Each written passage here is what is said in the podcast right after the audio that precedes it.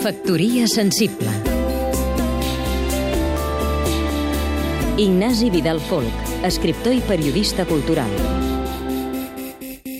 Tot celebrant l'aniversari de la caiguda del comunisme i de la revolució del vellut txecoslovaca, he tornat a llegir les obres de teatre de Václav Havel, l'escriptor dissident que va passar gairebé directament de la presó a la presidència de l'Estat.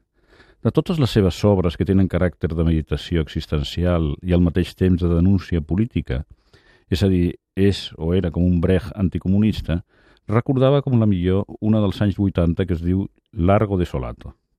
Ara, al rellegir Festa al jardí, La conversa i altres obres del Havel, he comprovat que aguanta molt bé el pas del temps i crec que Mònica Gustova, escriptora txeca, erudita en cultura txeca i traductora al català i al castellà, que va traduir molt bé les obres de Havel per Galàxia Gutenberg el 97, està d'acord amb mi en això, en que Largo de Solato és l'obra mestra de Havel com a escriptor.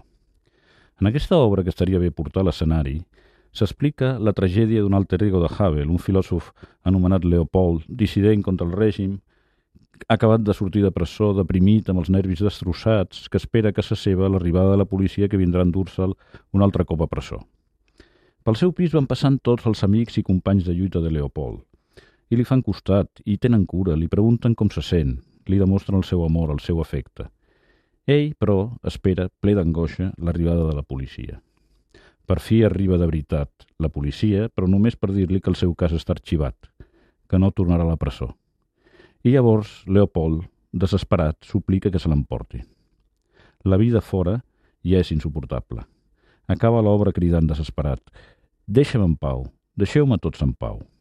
Quina gran línia de diàleg. Factoria sensible Seguim-nos també a catradio.cat